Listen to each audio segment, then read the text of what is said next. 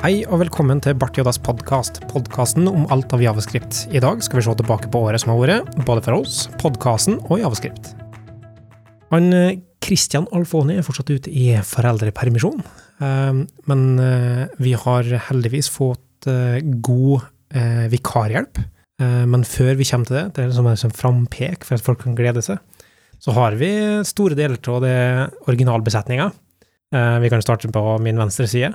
Hei, skal du introdusere meg, eller skal jeg gjøre det sjøl? Eh, Marius. Ja, hyggelig. Hei. Og så har vi Christian, som ikke er Alfoni, som vi liker å kalle han. Hei, hei. Eh, Og så første vikar. Eh, Nå føles det ut som vi kan legge opp til en sånn spøk om at vi må ta to vikarer for å erstatte eh, Alfoni, da. Eh, Men i hvert fall den ene erstatninga er da det, Jørgen. Ja. For den faste lytter, eh, du har vært her eh, på podkasten et par ganger før. Ja, det har jeg. Det var Så det ja, venn av showet. Ja, ikke sant? og det er du og Christian. Eh, men eh, det er ikke Christian eh, verken Alefoni eller Tryggestad, men eh, et eksepsjonelt fint etternavn, vil jeg si sjøl. Jo, tusen takk. Eh, altså Christian Brevik. Du har vært med eh, Når var du var med sist? Tru det var rundt juletider i fjor også. Ja, ikke sant? eller kanskje litt tidligere. Det er sånn eh, ringevakta i, i jul. Kjekt å ha. Ja, det er det. Du, eh, vi skal snakke litt om Det passer seg nå i midten av desember. Eh, året er på hell, jula nærmer seg. Eh, det er tid for refleksjon og tanker. Så um, målet i dag er egentlig bare å se litt på hva, det, hva vi har jobba med i det året som har vært. Eh, Er det noe som stikker ut? Er det noe god erfaring med? Dårlig erfaring med? Eh, er det noe som dere tror kommer til å gå over til neste år? I tillegg tenkte jeg vi kunne ta en sånn helt eh, til slutt. En liten sånn refleksjon over hva som podkasten har gått av. Det blir litt urettferdig mot vikaren, eh, for da plutselig forventer vi at de har hørt episoden og, og, sånne ting. Men jeg tenker det bare er interessant å, å ha litt sånn metadiskusjon, da. Jeg tror ikke vi skal bruke så mye tid på det. Da, Kristian Ja, Tryggestad. hva er det som har skjedd i 2020? Er det en, eh, får du liksom automatisk assosiasjon til en eller annen teknologi inn, relatert rundt Jeg vet du jobber mye med autentisering, og det har vi nå snakka en del om. Eh, er, det, er det noe rundt uh, som eh, javascript og omheng som stikker ut for det i 2020?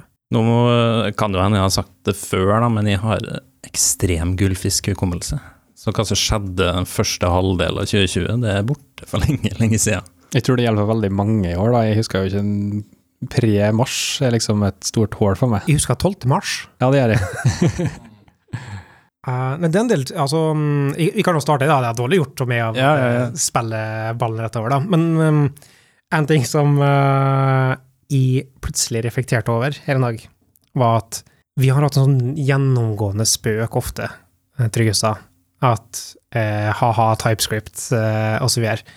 Og så ser jeg tilbake at nesten alle prosjekter jeg har jobba med de siste to åra, har hatt TypeScript, og jeg har ikke skrevet ren javascript på dritlenge.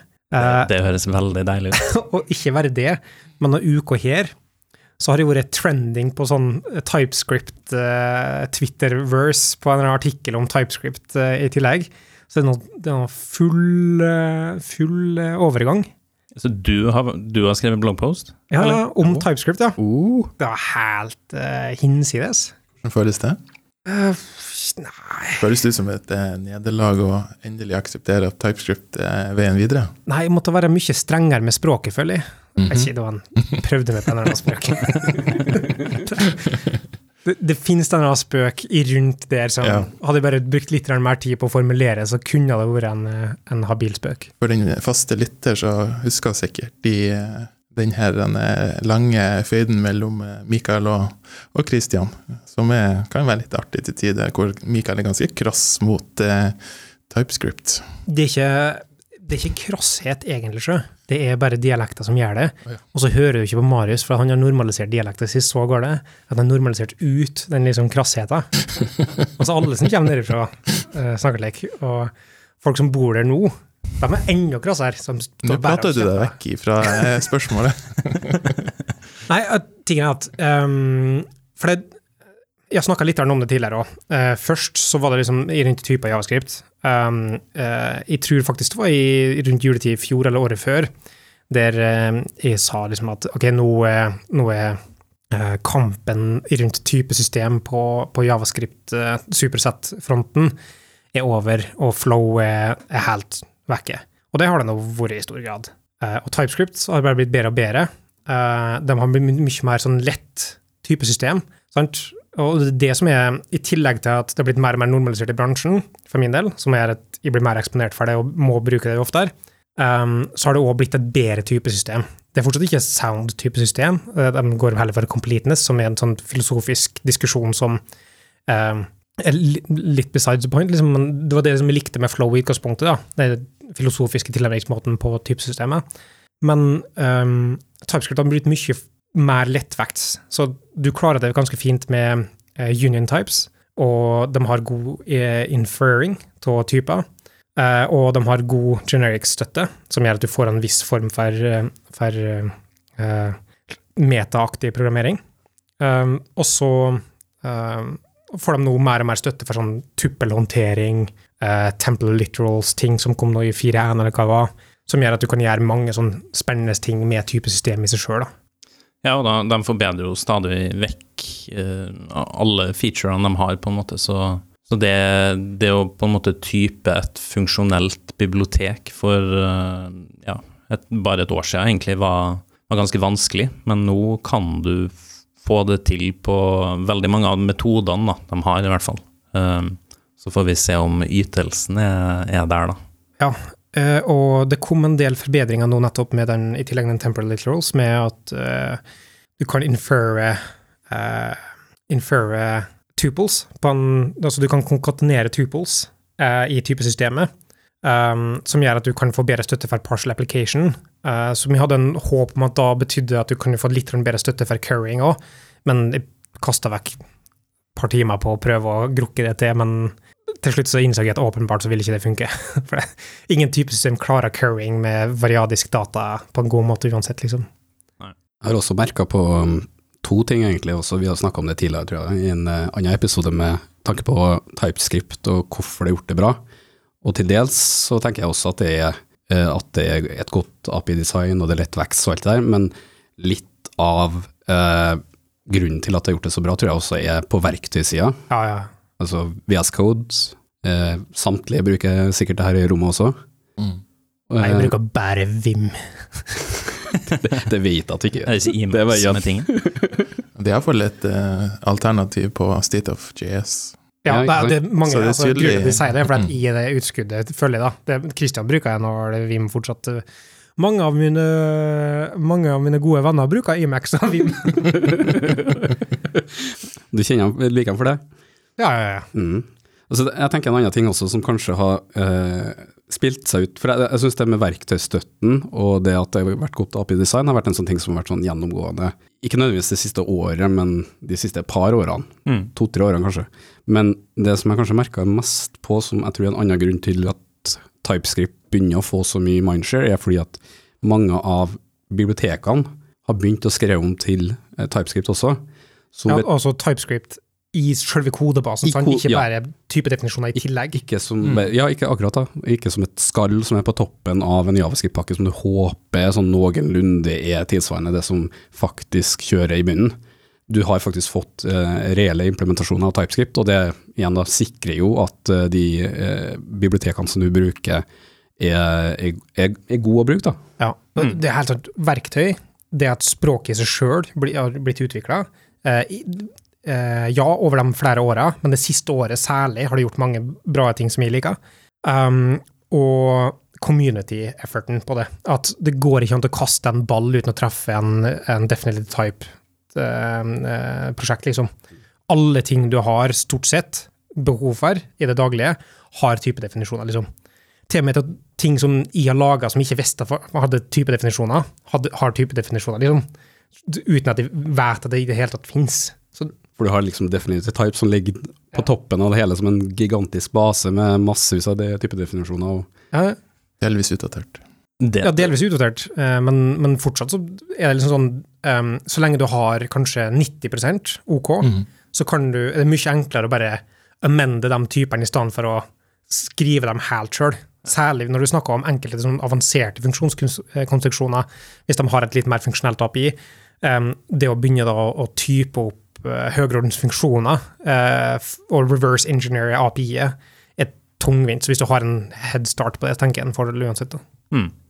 Men Jeg skulle eh, bare til å skyte inn fra sida her at eh, selve Definitely, Definitely Typed-prosjektet er jo egentlig ganske spennende i seg sjøl. Å få et sånt digert uh, repository til å, å funke i det hele tatt. Det knekker jo GitHub-sidene, holdt på å si. Du får jo ikke sett alle, alle typene de har der. Det har sikkert han eh, Nate, han CEO-en, eller hva han heter, og han har sikkert vært irritert på Definite Type, for de brakk opp GitHub rett som det var. Og sikkert måtte optimalisere seg søng etter.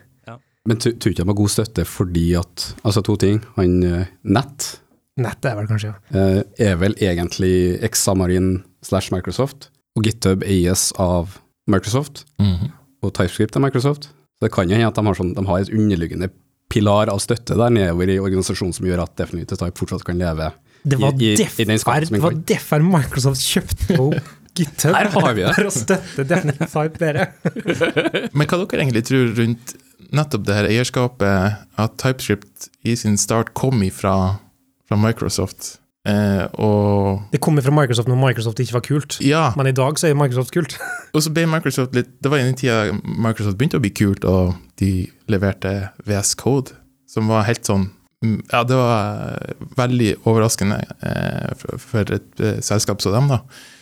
Så jeg tror på en måte det var et sånn eh, turning point der hvor de starta med å bli mer community-fokusert. De leverer fantastisk ID eh, som er gratis, til ganske stort publikum. Og, og fortsette å forvalte det som en sånn en veldig viktig hverdagsprodukt for oss utviklere, som selvfølgelig får jo kanskje synet på Microsoft til å bli mye bedre. Så om det er noen som har vært veldig smart og tenkt at det her er bra eh, PR, eh, så det, tror jeg iallfall det har funka. Om, om de tenker det, å få utvikleren på sin side når de skal leve av Asher, det tror jeg er rimelig anta. Jo, men altså, klart at de, de pusher jo med, med TypeScript og Angular. Og så, så, så selvfølgelig, det er en barriere ut mot uh, utviklere av uh, React, og, og kunne selvfølgelig ta, ta inn over seg denne her TypeScript, som er liksom det fienden, er Angular som bruker det. Og så plutselig en dag så, så ser man at ja, det her er mm, noe mer enn bare syntaktisk sukker, som noen kalte det for noen episoder siden. Det var, det var nok også en sukker, da, for sagt, for de bringer ikke med seg semantiske endringer. True. Det var nok også en grunn til at de starta med Angular, da, fordi de var villige til å skrive alt i et uh, type av språk. De gikk jo mellom å lage sitt eget eller å bruke TypeScript. Uh, og så hadde du det problemet med at uh, TypeScript var egentlig ikke modent nok til å kunne type React, fordi React gjør Det er litt sånn magi der, som, som er litt vanskelig å er computer science. Spør, spørsmål starta Microsoft med Angular, for jeg husker å ha skrevet TypeScript i Knockout JS i Visual Studio, ikke Code, altså, for ja, sikkert seks år siden. Ja, TypeScript eksisterte før uh, den Det- Angular Men det er det som liksom gjorde det var, liksom, det det var den som tok av. Ja, det var da det litt tok av litt, på et vis. Det at de fikk hele Angular uh, userbasen på sin side, gjorde- hjalp nok veldig, da. Jeg merker at jeg jeg har bestandig vært ganske god på sånn eh, eh, særlig javascript-historie. Eh, akkurat der så er det et hull i min kunnskap, men jeg òg på Sammen med Christian Brevik her, da. At jeg mener å huske det godt med at jeg eksploderte en del med, med knockout, men, men jeg tror nok det har noe med boblene du har vært i òg, da. Men hvis jeg ikke husker helt feil, så var Knockout.js eh, Det var startup-filer for det i, Visual Studio. Ja, Det var Microsoft-egged. eh, Ja. Og jeg er jo gammel C-sharp-utvikler, mm. så jeg var hardnakka på Visual Studio i mange herrens år. Så det, det, var litt, det var litt der jeg fikk min, eh, mitt inntog inn i javascript-verdenen også. Det var via knockout og TypeScript. Mm. Stilig. Forferdelig nok, for, for enkelte kanskje. Ikke se på meg i dømmingen! For, Nei, for et års tid siden så husker jeg det var litt sånn bedømming. Og flere av oss har jo jobba lenge med, med jQuery, så jeg vet ikke. ja, vil jQuery kom, gratulerer. jQuery 3 lanserte for to dager siden. Oh. Men f- mange for, nye forbedringer. Eh, bedre SSR-støtte. eh, eksperimentering med local eh, storage cache. Eh, det var eh, Use Curious, som en støtte for sikkert Media Curious, inn i, i det. Eh, så Jakery 3 i, også, Det er sikkert sju år siden Jakery 2.3 kom, og så har det nå liksom tre. 3. Det tyder på godt og langt eh, positivt arbeid. Her har de Mm. tatt seg tida til å lage noe som er eh, fortsatt har en plass i verden, tenker jeg. da. Men med tanke på det litt sånn utdaterte ryktet de har fått, da tror du de klarer å komme seg opp på hesten igjen, eller? eh? Nei, men vi må huske på hva stor andel av folk som bruker det eh, fortsatt. Eh, vi blir fort i en boble der vi tenker over ting som vi bruker som har stor traction, altså Angular, React og, og så videre, og eh, C-sharp-ting, at alle prosjekt bruker C-sharp eller Java.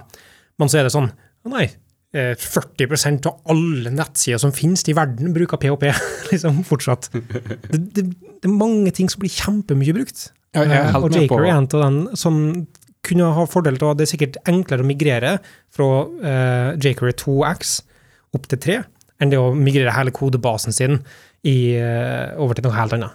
Ja, men eh, altså, i og med at 2-3 kom for sju år siden, da, som du sier. Ja, det- var estimat for min Jo, side. ja, men la oss gå videre med den. Er det liksom, Si at du har en applikasjon som ble laga for sju år siden. Er det da en hensikt nå da å migrere den over på tre, eller kan du liksom godt bare la den leve stabilt på 2-3, som den Det- har gjort i sju år allerede? Det finnes nettsider der ute som har vært kontinuerlig opp, oppdatert over sju års periode. Ikke alle nettsider eksisterer innenfor et år og dør. Jeg mener, brannfakkel. Software burde komme med utløpsdato. Og sju år er en ganske bra dato på det, tenker jeg. Ja, men det er litt sånn som cellene i kroppen. I løpet av sju år så har alle blitt bytta ut. Er ikke det, er ikke det en sånn myte som blir sagt det? Jeg tror det. Jeg vet ikke Bare google det, år. bare som hører hjemme, og så skjønner jeg at det er en perfekt analogi. Men du, du sier det liksom Altså jeg tenker det, Microsoft er jo kjent for Enterprise og holde ting oppdatert for alltid. Det er jo digg å bute opp en gammel Windows-PC eller en nyere en, og fortsatt kunne spille Worms Armageddon på den. Oh, yes. Ja, du må inn på høyre musikalikk, inn på Ja, kompabilitetsmodus. Og alt det der, men det, det, sånn teoretisk det er fortsatt Ja, ja. mulig, og det er noen som sitter og vedlikeholder det for å faktisk gjøre det til en eh, mulighet. Her har vi snakka om gang og gang igjen i podkasten her òg, at den store liksom, styrka og the massive feat uh, of javascript er at du kunne ha gå og så ta kode som kjørte for 25 år siden. Nå er javascript fylt 25 år, gratulerer med dagen. Eh, og så fortsatt kjører det i en nettleser i dag, og det kjører fortsatt på samme måte. Det, hvis du sammenligner med, med mange andre ting, det er helt utrolig, det. For at alle de plattformene som det kjører på, alt det kan distribueres over, til vaskemaskiner og eh, Kjøleskap. Ja, det er i samme gate som en vaskemaskin. Et eksempel som er litt. Vaskerom versus kjøkken, Mikael. Det er ikke nærheten av det samme. Noen har faktisk vaskemaskinen sin på kjøkkenet. Det er et godt poeng. Men det betyr jo samtidig at man driver og drar med seg ganske mye søppel. Ja, det betyr det, men samtidig um, kan det ikke være verdt det på et vis. Altså, i, i hvert fall den filosofien som ligger Mm. i bak det, da. Det at du skal kunne tenke litt bakoverkompabilitet. Um, og så har vi sett noe i det siste, altså, og i det siste som er i 2009, at de kan gjøre uh, breaking changes, da. De har pragma keys med ustrict. Som gjør at du ikke lenger er bakoverkompatibelt så lenge du har den inne. Du ser ut som du har lyst til å si noe. Nei, jeg hadde ikke det. Kristian sitter og drømmer om et kjøleskap med javascript ennå. Eller ikke. Eller ikke. Det står kanskje javascript litt sånn i fare for å bli et slags sånn assembly-aktig språk, da, eller, eller jeg tenker lavnivå, i den grad av at nå har vi TypeScript, potensielt andre også som transpilerer ned til javascript, så javascript ikke, holdes ikke brakk direkte, for det gjør jo ikke det, standardene oppdateres osv., men det holdes bakover kompatibelt, sånn at det er på en måte det standard kjøremiljøet som du kan bygge massevis av andre applikasjoner på toppen av. Vi har sett de siste fem åra at um, høgnivås API-en til Javascript har utvikla seg i langt større grad, både semantisk og syntaktisk. Vi snakka litt om det i forrige episode òg, det vi snakka om hva vår favoritt-proposals var. Der gikk vi gjennom et par uh, type semantiske endringer i tillegg. Så det skjer utrolig mye endringer her, så jeg tror du kan fint operere på både høgnivå og lavnivå. Um, samtidig så tror jeg litt av det du sier, er, er sant, da. For at du ser jo sånn som Hvis du går tilbake til forrige års eh, Survey of JS-greier Ja, ok, la oss se bort ifra bias datakilder og at folk som svarer på denne typen spørreundersøkelse, allerede har en, en slags forutinntatt eh, eh, Altså, du har ikke representativt utvalg for den reelle massen av Mm. utviklere, da. Eh, men der var eh, så mye som 70% som svarte at de brukte TypeScript. Eh, hvis du antar da at det betyr at det er primærgrad å si, så er det en massiv andel som bruker det. Um, så mange transpilerer det, sant, ned til javascript, og det blir mindre og mindre vanlig å kanskje skrive det vanilla. Så eh, på ett nivå så tror jeg det, men samtidig så tror jeg da som sagt de semantiske endringene som må komme, det går ikke an å ligge på et transpilasjonslag på samme måte, uh, med mindre du går enda mer lavnivå da, til WebAssembly. For da kan du bygge semantisk forbedringer på toppen der, kanskje, men det gir kanskje ikke så mening ned på uh, ned til javascript, som er et høynivåspråk, og så skal du optimalisere det i gitten i tillegg. Skjønner du hva jeg mener? Mm, mm. Så um, mye av det vil sikkert gå over til WebAssembly etter hvert, når det blir mer og mer. Og så har du sånn mellomhøgnivå transpileringsfase. Men så, jeg tror fortsatt det vil være en plass for javascript. da. Jeg, jeg, jeg satt og tenkte litt på her med den Apple M1, og kanskje tidligere også med de CPU-ene som kom med nyere generasjon av iPad, var at jeg, jeg leste Det var et rykte på Stack Overflow eller noe sånt at de har begynt å lagt inn eh, sånn register calls, eller hva det heter, i forhold til CPU-ene, som er javascript spesifikt. Så du optimaliserte CPU-arkitekturen for å kjøre javascript. Så det fikk et sånn plutselig hopp eh, fra en generasjon til en annen på iPad, for at holy crap, plutselig var den mye mer eh, Først og fremst er jo de her eh, Apple-CPU-ene det er system on chip. Så det er ikke bare én CPU, men det er mange CPU-er eh, som er spesialisert på sine oppgaver. Som annet gir dem muligheter til å optimalisere sånne ting som akkurat det her med det å prosessere javascript på en ekstremt kjapp måte. Og det er også der man ser hvorfor M1 plutselig, plutselig eh, bumpes så ekstremt mye ytelse sånn over natta. Og som på en måte eh, sender sjokkbølger gjennom de tradisjonelle CPU-produsentene. Og det handler mye om det at de har de her de har mange kjerner som har sin spesialitet, og, og, og nemlig det, den farta de klarer å sette på ting i det perspektivet de skal være gode på, er jo eh, unprecedented, så det blir sagt. Men du har hatt eksempel på IOT-devices, eller spesifikke hardware-komponenter, IOT-boards, som kjører liksom javascript natively, da, som er optimalisert for det òg. Mm. som en, i, i samme gate, da, som må da tenke på at eh, jo, nei, for at språket er så tilgjengelig at alle for det meste kan um, skrive det. Uh, så derfor er det en, en bra ting å optimalisere for, da, som kanskje òg gjør at uh, det er mer interessant å forlenge det eller utvide det med, med andre transpileringsspråk. Men samtidig så har vi ikke sett så mange nye transpileringsspråk i år. har vi det? Jeg kan ikke eh, komme på noen, i grunnen. Jeg er redd for at de har på en måte bare vært så opptatt med, å, med jobb at de ikke har fått å følge med på artige ting som Ja. transpireringsspråk. Kjenner på litt det samme, egentlig. Ja, Spriting av never og jobb. ja, Ja, nei, men det er jo- det, altså. Det er liksom som Kristian her sier, at jeg husker ikke hva som skjedde i 2020, men det føles jo ut som vi gikk inn i en tunnel i, eh, i mars, og, er fortsatt delvis inni den, og har ikke vært ute og sett eh, lyset og, og det som har skjedd utafor. Um, et lyspunkt var jo blant annet den her eh, NextJS-konferansen, som jeg deltok eh, på digitalt. Men utover det så, så, så er det litt sånn Har liksom ikke fulgt så veldig mye med. Veldig hyggelig at Ponyfoo eh, Newsletter har begynt eh, igjen. Ja, det er oppe og kjørt igjen, jeg så jeg. Jeg, har begynt, jeg, jeg drev og fått inn alle sånne newslettere, men jeg har bare ikke giddet å åpne dem opp. Det har bare liksom kommet inn, og så er det Jeg scrolla litt igjennom, ah, samme som før.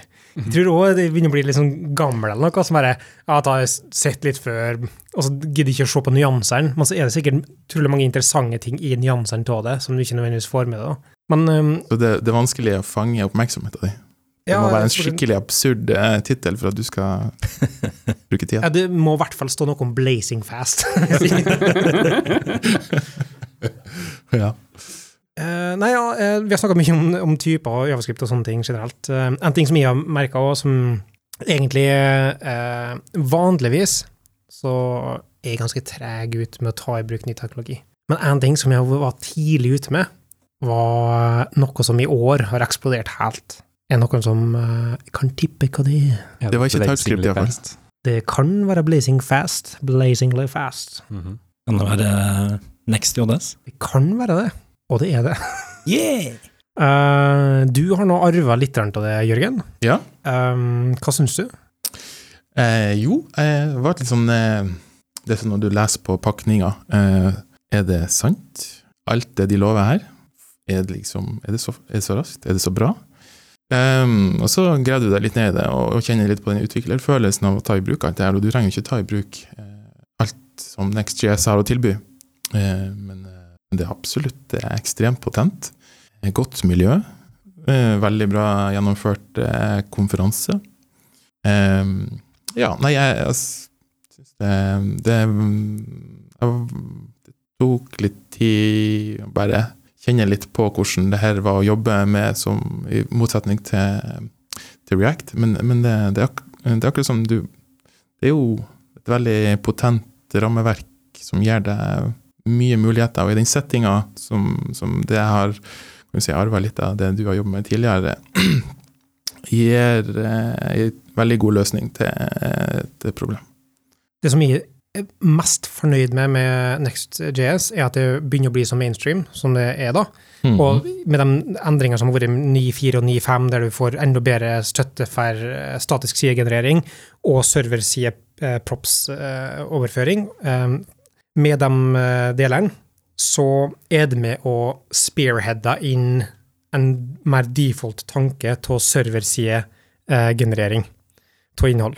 Um, de kan være med og bidra til at vi kanskje endelig får slutt på den derre eh, eh, single page application-hammeren som alle har, og slår alle mulige skruer og andre typer faste mekanismer som håndverkere bruker. Han som ikke er spiker. Nei, og poenget er at det har vært en så stor tradisjon de siste sju åra til at alt skal være utelukkende klientsidegenerering, for vi har ikke hatt teknologien til å gjøre det tilgjengelig nok å ha hydrering, og ha eh, servicesidegenerering og eh, klientsidegenerering. Plutselig så har du sånn som NextJS, og du har et par andre alternativer òg. Eh, Svelte har nå nettopp bakt inn Zapper, så de har en, en ting inni der. Um, og, og View har sine greier med uh, Nux, uh, som jeg, jeg har ikke prøvd, men, men som jeg ser en, et alternativ. Um, som gjør at det å plutselig tenke servicesidegenerering av innhold er en mer farbar vei på en ordentlig ikke-esoterisk nivå, da. Mm. Eh, Jeg som må- er kjempepositivt. Jeg må innrømme at jeg har uh, havna på den samme vogna sjøl. Jeg. jeg var først eh, innom Gatsby en bitte, bitte liten periode. Det også. Nei. Og eh, det virka jo veldig sweet, det òg, egentlig. Men til sitt bruk. Ja, hva som gjorde at du gikk videre til Next? Nei, det skifta prosjekt, da. Å ja, ok. Bra review. som det. og så nå har jeg havna på Next JS da, etter å irritert meg såpass masse over Create Tract-app og hva man ikke kunne gjøre der. Eh, Så var det litt befriende å komme til Next JS der du har lov til å endre litt på webpack-konfigen om du har lyst til det. Men eh, ville det vært det samme om det var React eller om det var Angular, som du sammenligna det med? Nei, altså Eller hvilket som helst annet single page application fra rammeverk? Ja, altså, jeg tror, jeg tror jeg er bare litt glad for å um, På en måte så er det jo litt, van, litt uvant å komme tilbake til en situasjon der du har en backend for Mm. frontend. Ja, På- det er ikke en backend for frontend, da, egentlig. Nei, men altså Ja, ja. Du må ha noe som greier å kjøre Mm. kode på Ja, for det er ikke en ny tanke. Nei. Det som er nytt, igjen, det er hydreringa. Mm. Det at du får det beste. Du har flytta, i stedet for å prøve å eh, retrofitte webens teknologi til å passe serverteknologi, så gjorde du motsatte.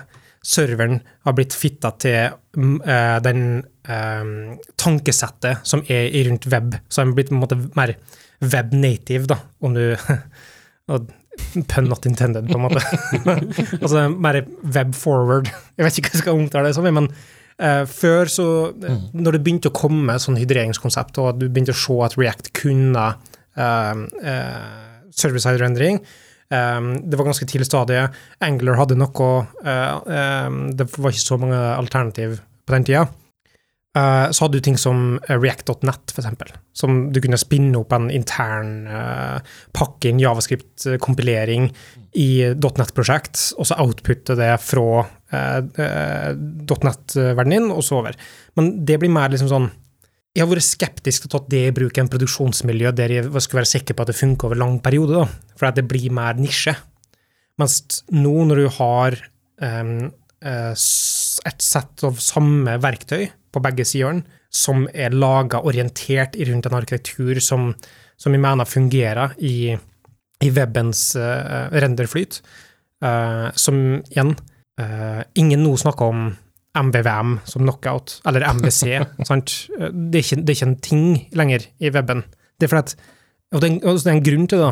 Og det er ikke bare på at React kom med komponenttankesettet sitt, for det er mange andre som hadde det i tillegg. Men det er at weben i seg sjøl og HTML og domen og nettleseren funker på den måten. Sant? Det er det samme tankegodset, så du spiller på lag med tankegodset. Så i stedet for å ha et, et, eh, teknologisk skille fra serveren over til klienten, der du tenker på ett paradigme til et annet paradigme, og prøver å mappe de to mønstre over, så har du samme paradigme, eh, bare distribuert på forskjellige kjøremiljø. Jeg kjenner jo litt på Jeg har ikke vært inne i NextJS-verden så jeg bare sett litt uh, over skuldra til Mikael, egentlig, på jobb. Mm. Um, og det virker jo som det er litt magi som er ute og går der likevel, med å prøve å retrofitte klientsida inn i servermiljøet. For du har noe sånn jeg har sett noe sånn get static props, og så hvis du bruker det på det viset, så må du huske på det her, og hvis du bruker det på det mm. viset, så må du huske på det her. Og så må vi late som vi kaller serveren når vi egentlig er på serveren, eller omvendt. Altså fetche ja, for Du trenger jo ikke nødvendigvis ha den BFF-en inni der. Du trenger ikke ha den eh, NextJS eh, BFF-en der, eh, altså backend for frontend. Så Du har potensielt den som du kan bruke som en server helt alene. Men så, i flere scenarioer så har du allerede et API du skal kalle. Og hvis du i tillegg har BFF-en, som, du, som eh, selve applikasjonen din eh, kaller, og eh, BFF-en din videre kaller API igjen, så er det litt sånn mange eh, streker og piler eh, litt att og fram, og jeg vil ikke si at det er nødvendigvis enkelt for eh, de som kanskje er nye til web. Det blir kanskje overveldende når du hadde den Create and React-appen din, så hadde de enkle pilene att og fram mellom et API. That's it. Og her har du litt sånn Hvis du er på server, og hvis du er på klient, mm, hva skjer? Det, ja, det, det, er ikke, det, det, er ikke, fritt for problem, men du har fortsatt det samme tank, altså det er fortsatt paradigme som du bruker poenget mitt i, i, i, um, i måten du outputter uh, staten din på, da, altså måten du projiserer dataen din på, som er HTML, som det ender opp mm. med, mm. eller domen. da. Mm. Uh, men absolutt, du har i det øyeblikket du fragmenterer kjøret, Altså du pakker inn et, to forskjellige kjøremiljø under ett API, så vil du eh, eh, sannsynligvis på et eller annet tidspunkt den abstraksjonen lekke. da. Og det er det dere mm. egentlig snakker om nå. Det er en abstraksjonslekkasje. Yes. Eh, og det er jeg helt, helt enig i at det er et uh, det, det, blør på sett og vis i hverandre, er min opplevelse, sånn sett utenfra, uten noe praktisk erfaring med det i hele tatt, bare sånn sett utenfra. Og uh, gammel og trist C-sharp-utvikler som jeg er, så drar jeg jo direktelinje til sånn som det webforms var på en tid, at du det sånn late som om du er på fronten samtidig som du er i backen, samtidig som du er i mm. fronten osv. Altså at det, du, du skal, du skal, du, linjene mellom de to de skillelinjene blør litt i hverandre, og av den grunn så er det litt sånn magi som skjer eh, inn i hele systemet. Så hvis du, hvis du kjenner det rett, og du kjenner paradigmene, som du sier, så går det som oftest bra. Mm. Og det går sikkert bra hele tida også, men det, er, det, det virker som om at det er ikke det er, noe, det er ikke, et godt API-design der ennå som gjør at abstractions ikke blør. Eh, de har um, en ekstra ting som er den SVR, eller hva det er for noe, som er en sånn uh, uh, Ajax, glorifisert Ajax-opplegg som kan pakke inn litt av den logikken som har kommet sikkert i år, da. Eller kanskje slutten av neste år. Nei, slutten slutten av i fjor. Før korona. Ja, jeg, nei, altså, jeg, um, jeg, sliter av og til men jeg har så, eh, jeg så framsynstanker at jeg klarer ikke å skille det fra når det kommer. uh, nei, men um, det er i hodet mitt en liten kostnad sammenligna med at det du får, er uh, enklere, robuste uh, løsninger som spiller mer på lag med måten nettlesere funker på, uten at du trenger å reimplementere all slags type behaviors i nettleseren. Um, og uh, igjen, det mulige er det, det, er ikke rett for alle typer prosjekt. Det er det ikke, på ingen måte. Men det, det er det ingen teknologi som er. Uh, men det er et godt alternativ som gjør at vi ikke lenger ser på uh, spas som det eneste alternativet for å lage moderne eh, løsninger. Og det tror jeg er en mm. viktig ting å ha som eh, et, i, i verktøybeltet. Ja. Og så kan det være Gatsby. Eh, jeg syns Gatsby mm. er overengineered her i mm. mange tilfeller, så mm. derfor tyr jeg heller til NextJS. Men det har sin, sin felt det opererer godt på. Um, jeg har bare ikke funnet det ennå. Men det, det, som er litt kult med disse teknologiene der, da, er at de, ehm, de kanskje gir oss muligheten, da, enten nå eller i framtida, å ehm, optimalisere sidene våre på en litt mer automatisk måte. Det at de greier å være litt smart og se at uh, her burde vi ha en preload, eller en prefetch, og her burde vi Eh, ja, skalere bildene opp og ned, sånn at vi kan bruke picture-elementet og ja. Source it. Ja, mm. at du, du, kan liksom få inn litt sånn smartness, da, fordi at det, For det du beskriver der, har noe Next Jodas fått, da? Ja, det er mulig. Ja. Var ikke, han var ikke på konferansen. Nei, var ikke. Eh, på den image tag, den funka ikke så bra som du skulle håpe på, da, men den har en image tag som eh, har en bakomliggende back-om-liggende service som automatisk skalerer ned bildene til det og pakker det inn i en sourceset. De har også introdusert en analytics-side som, som, ser gjennom over endringer og hva time to render og time to interactive og sånne ting er, som er langt mer Siden de er nærmere, nærmere teknologien og tar en antakelse om teknologien din, så kan de gi deg bedre tall enn f.eks. sånn som Lighthouse og, og, og så videre. Mm. Uh, og de har liksom dynamisk lasta data som gjør at du automatisk codesplitter. De pakker inn en del gode best practices på en tilgjengelig måte, som du vanligvis ellers måtte ha konfigurert opp på en tungvint måte. Ja. Så det er en fin blanding mellom opinionated, men fleksibelt. Ja. ja, for det er litt av på en måte ulempen med på en måte statusen på weben i dag, da. At det har kommet inn så mange eh, fancy ting du kan bruke for å optimalisere opplevelsen enda mer. Eh, men det er ikke noe av den jevne utvikler bruker, mm. noe av det her. Så hvis vi greier å få, få bakt inn noe smartness i noen produkt vi bruker, sånn at de bare fikser det her for oss, så blir weben et eh, bedre sted. Jeg, jeg, jeg har gjerne lyst til å spinne videre på det, for jeg føler akkurat det samme. Jeg føler liksom jeg tok den her eh, eh spørreundersøkelsen til State of JS her om dagen, og det får meg til å reflektere litt om, om For, eh, for den eh, spørreundersøkelsen har jo flere tematikker som man eh, spør deg om, og så er det en sånn generell Hvordan føler du deg rundt det her temaet? Sånn well-being. Er du fornøyd? Um, og jeg merker at jeg er sånn middels fornøyd med det meste. Jeg, jeg bare jeg har jo generelt store forventninger til ting her i verden. og framtida for øvrig. Men jeg, jeg kjenner det at jeg, ønsker mer av, av dagens webutvikling. Jeg ønsker at vi kan fokusere mer på å lage eh, gode brukeropplevelser, istedenfor å tjone med sånn her optimalisering som egentlig skulle Altså rammeverket og bibliotekene skulle ha hjulpet oss med for lenge siden, istedenfor at man må drive fortsatt og bruke masse, masse tid på å håndtere webleserforskjeller fortsatt i 2020.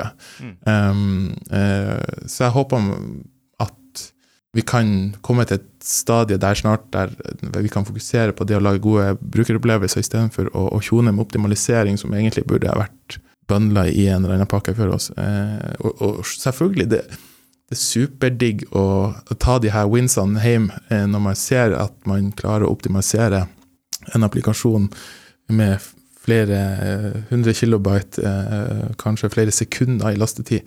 Det er store wins, eh, kjempebra. Eh, men det er faktisk det som må til nå i, i, disse dager for å bli ranka på Google sin statistikk. Altså, for å treffe opp i, i statistikken, så må du laste sida fort, og du må ha optimaliserte bilder. Nå har NextJS kommet med, med, støtte for det, eh, men, men, det har lenge vært eh, ekspertoperasjoner Mm. Så jeg håper virkelig vi kommer dit at vi kan få litt mer hjelp til å gjøre de her eh, logiske, optimale valgene for Ja. applikasjonene våre. Og sånn som Gatsby har jo plugins for å bruke um, intersection observer Mm. mot bilder, f.eks. Sånn at du, du begynner først å laste bildene når du begynner å scrolle i nærheten av bildet. Så um, det er masse sånn små, små ting Men det, burde, altså det ligger og burde ligge i nettleseren Ja, ja. på burde egentlig det. Um, jeg tror vi må rett og slett gå videre eh, og gå over til en kjapp eh, oppsummering av Bart Joddas podkast 2020. Jeg har eh, eh, ikke skrevet ned noe statistikk. Skulle ønske jeg har gjort det, så nå kommer vi bare til å dikte opp noen tall. Og så satser jeg på at det stemmer. Jeg sitter med tallene rett foran meg, så du kan få dem servert rett i øret hvis du vil. Eh, se om jeg har rett, da. Ja. Først. Ja. Eh, en ting jeg så, er at jeg fikk opp en sånn tweet, eller en tweep, hva enn det nå heter på norsk, eh, om at feire your anniversary, litt ditt anniversi, som eh, var sju år, så jeg oppretta Bartias-kontoen på Twitter. Sju år er ganske lenge. Sju år er en unge som går i andre klasse. Sju år. Ja. Hvor mange tweets er det på Bartialas-kanalen, egentlig? Nei, på Bartialas uh, tweet, Twitteren? Ah, Har du det tallet? Nei, det har jeg ikke. Det får jeg at du har funnet. Ehm, I og med at uh, det som regel er som tweeter derifra, og jeg sliter mer nok med sosial angst og tweeter fra min egen konto, så uh, Unnskyld, sosial medieangst, så antar jeg at det er ganske få. Masse ord. retweets, da, tror jeg. Ja, ikke så mye retweets heller, tror jeg. Uh, men uh, jeg, jeg, jeg, holdt på, jeg holdt på en del år, da. Uh, men vi har migrert over til en eh, ny løsning nå i det siste, med en podcast, en ny podcast-provider, som jeg syns er kjekt, for da er det Marius som laster opp, og Marius som beskriver alle episodene. Eh, så det betyr at nå i praksis så møter vi bare opp, snakker, og så stikker en, og så merker jeg ikke engang at episoden episodene er ute. Så det, det setter jeg pris på. En sånn premium service. Ja, det er ganske bra. Ja, ja, ja. Nei, men eh, det, det er jo litt eh, fornuftig å samle flere podkaster på samme plattform, da, tenker jeg. Uh, I stedet for at du driver og betaler for SoundCloud i en halv evighet av livet. Ja, det så jeg. Jeg hadde brukt til nå 5000 kroner på hosting av podkasten. Så bare doner. ja, nei, så jeg avslutter nå abonnementet på Soundcloud Pro, eh, og totalt sett så har jeg brukt 5000 kroner på det. Ikke verst, det. Hva du, hva du for da? Hver lytter, eller være Nei, du må la- eh, færre eh, du, Hvis du har, skal ha over fem episoder, Ja. så må du betale et abonnement. Som er ni dollar i Eller ni, unnskyld, ni pund i måneden. Mm. Kunne jo starta et nytt show hvert, eh, hvert femte episode. Ja, kunne det. Mm. Det er vanskelig å få traction, da, men så må du holde på å bytte URL-en, RSS-feeden, hver gang. Kunne du kjøpt 200 flakslodd for det? Uh, ja, kunne jeg det. Flakslodd, det var saker. Eh, men eh, nå så vi bytta, så så vi at eh, Og en annen ting som er artig, har vi gått ukentlig. Så har vi ukentlige episoder. Og med den endringa så så jeg at nå ligger vi på 1000 nedlastninger i måneden. Som er et respektabelt nivå. Altså, til å være det jeg anser å være Norges mest nisje-podkast, egentlig. Altså, jeg tror du skal Hva kan være mer nisje enn en javascript-podkast Hører du ikke på podkasten Bukse eller tights? Der de ser på bildet fra Karl Johan og ser om noen har på seg bukse eller tights? Nei, det jeg ikke på. Det var ganske nisje, det òg. Det ligger sikkert vært rundt 1000 kroner, nei, 1000 eh, nedlastinger i måneden. Men ja, 1000, altså vi runda 1000 forrige måned, da. Og det betyr jo at vi er blitt, eh, altså for du som hører det her i øret nå, du er en del av en ganske eksklusiv gjeng, egentlig. Eh, Vil man kalle seg influenser når man eh, er med på den podkasten? Nå, ja. Mm. Nå kan du regne med at Instagram-følgerlista di vokser. Jeg vet ikke Kan ikke det å si mer om eh, statistikken i. Det Nei, det er, ikke, det er ikke så mye mer statistikk, i hvert fall. Eh, jeg, jeg, jeg tenker bare at det er interessant med droplets, for det gir en sånn helt ny type dimensjon til podkasten, der det er ting som er helt utafor det vi vanligvis snakker om. Uh, og når, når det er andre personer som tar helt uh, føringa for samtalen, så går det i helt andre retninger enn det vanligvis ville gjort. mm. um, som skaper en annen personlig.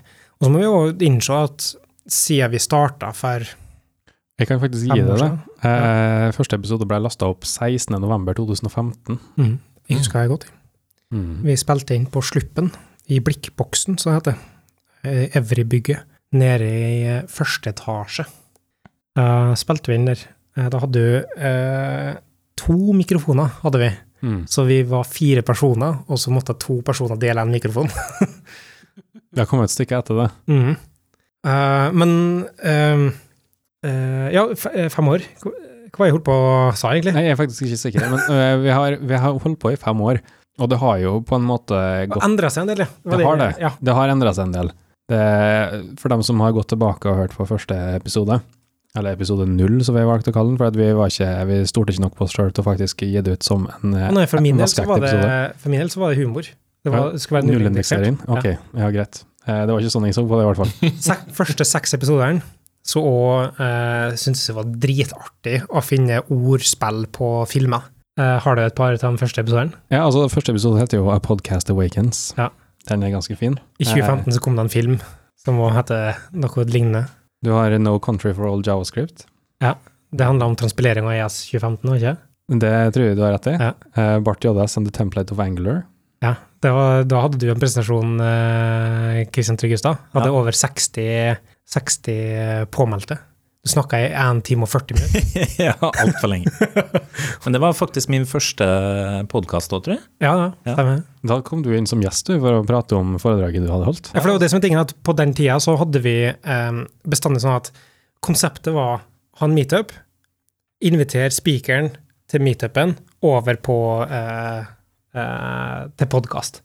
Mm. Og det har vært mange gjester innom, men det siste året så tror jeg ikke vi hadde noen gjester annet enn vikarer. Vi Året, året pluss, kan du vel egentlig si. Ja. Flere årsaker til det, da, egentlig. Eh, Det krevde mye arbeid å få tak i gjester som kunne prate om ting. Jeg har fått unger, Du har fått det, Ja, det har du. som gjør at jeg ikke får til å drive og skaffe folk til å holde presentasjoner. Men og, altså, når vi har holdt på med en ting i fem år, så blir det litt sånn at da, da må det ligge et godt stykke gøy bak det, for at man skal gidde å fortsette å drive med det. Eh, og da blir det litt på, på våre premisser, på en måte.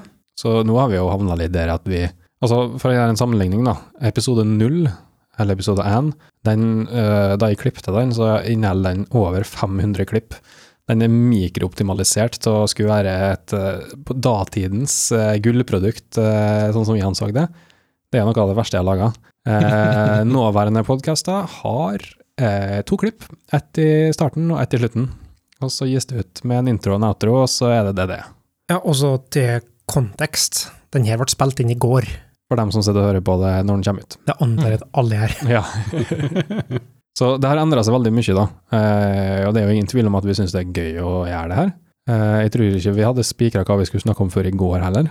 Eh, men vi møter opp, prater sammen, og så har vi det kjekt. Så håper vi at dem som hører på, setter pris på det, ja. Og ikke bare hører på for at de, det er ingen som må høre på. Vet ikke mer det å si. Har, har vi lukka døra helt for eh, gjester? Nei, nei, på ingen måte. Nei, nei, nei. Det, det kan hende at det kommer noen gjester tidlig i 2021, vi får se.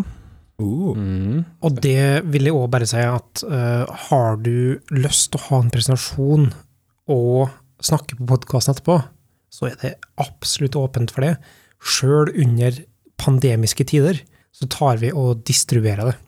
Så kom med et forslag, send en melding på Twitter at underscore Bartidas, og så har du eh, en presentasjon, så tar vi og lager en livestreaming av det. Ingen problem. Og Har du bare lyst til å prate på podkasten, så er det òg helt mulig. Ja, men da må du komme med en sangønske på slutten. Jeg trodde det skulle være et verre krav enn det. Jeg, har jeg fortalt dere det? At, eh, det har jeg garantert ikke fortalt dere. så jeg vet ikke hvorfor jeg prefacer med det. Men eh, jeg har kontrakt på at Marius skal være med på en a cappella-gruppe. så, så signerer jeg på en serviett. Eh, så Jeg trodde det var en muntlig kontrakt. jeg. Kanskje det var muntlig, ja. Vi får se. Kanskje det blir når vi blir pensjonister.